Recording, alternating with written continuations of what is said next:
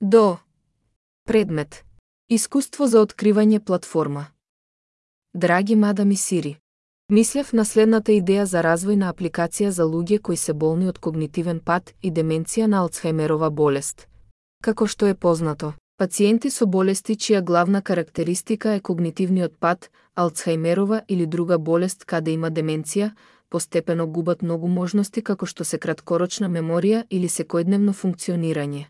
Идејата е да се постави софтвер или систем што ќе биде дизајниран за луѓе во оваа ситуација. Предизвик е да се концентрираме на таков систем целиот софтвер или систем што го користи лицето, и преку систем на вештачка интелигенција. Оперативниот механизам ќе стане поедноставен и поедноставен како болеста напредува.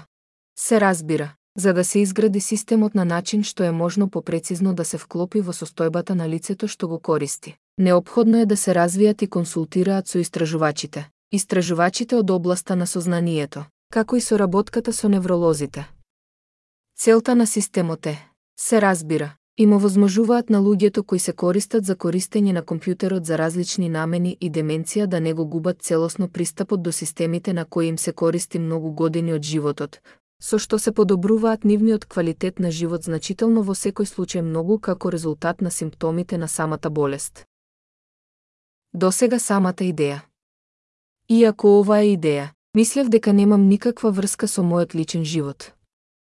Уеле напоменам дека во што ме загрижува лично има голем број работи што треба да се земат предвид. Еден, јас не сум средношколец, ниту професионалец во областа на истражувањето на мозокот сознание или неврологија и од оваа причина нема да можам да го придружувам таков проект чекор по чекор.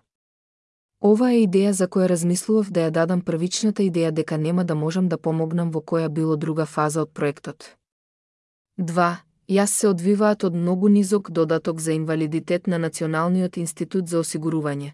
Затоа, немам можност да инвестирам никакви буџети во реализацијата на идејата. Ова и повеќе, поради сериозноста на мојата состојба. Многу високи предпоставки едноставно нема да помогнат. 3. Јас живеам во населбата Киријат Менахем во Ерусалим и немам возило или возачка дозвола.